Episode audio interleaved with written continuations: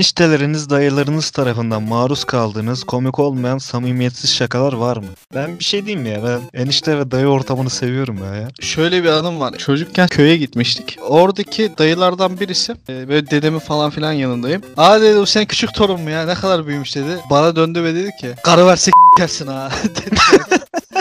Bak kanka yaşım 12.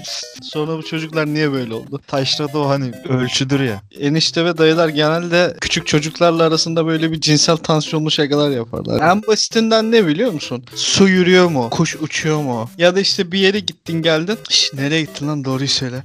Abi ka- kafasında böyle var ya cinsellik dönüyor ya. Duşa girdi çıktı mesela böyle kurulanın saçını kurtuyorsun. Yoruldun mu duştan?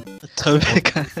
Onun kafasında ne var biliyor musun? Sen 7-24 sürekli bir cinsel aktivite içerisindesin. O senin bu durumundan daha çok orgazm oluyor.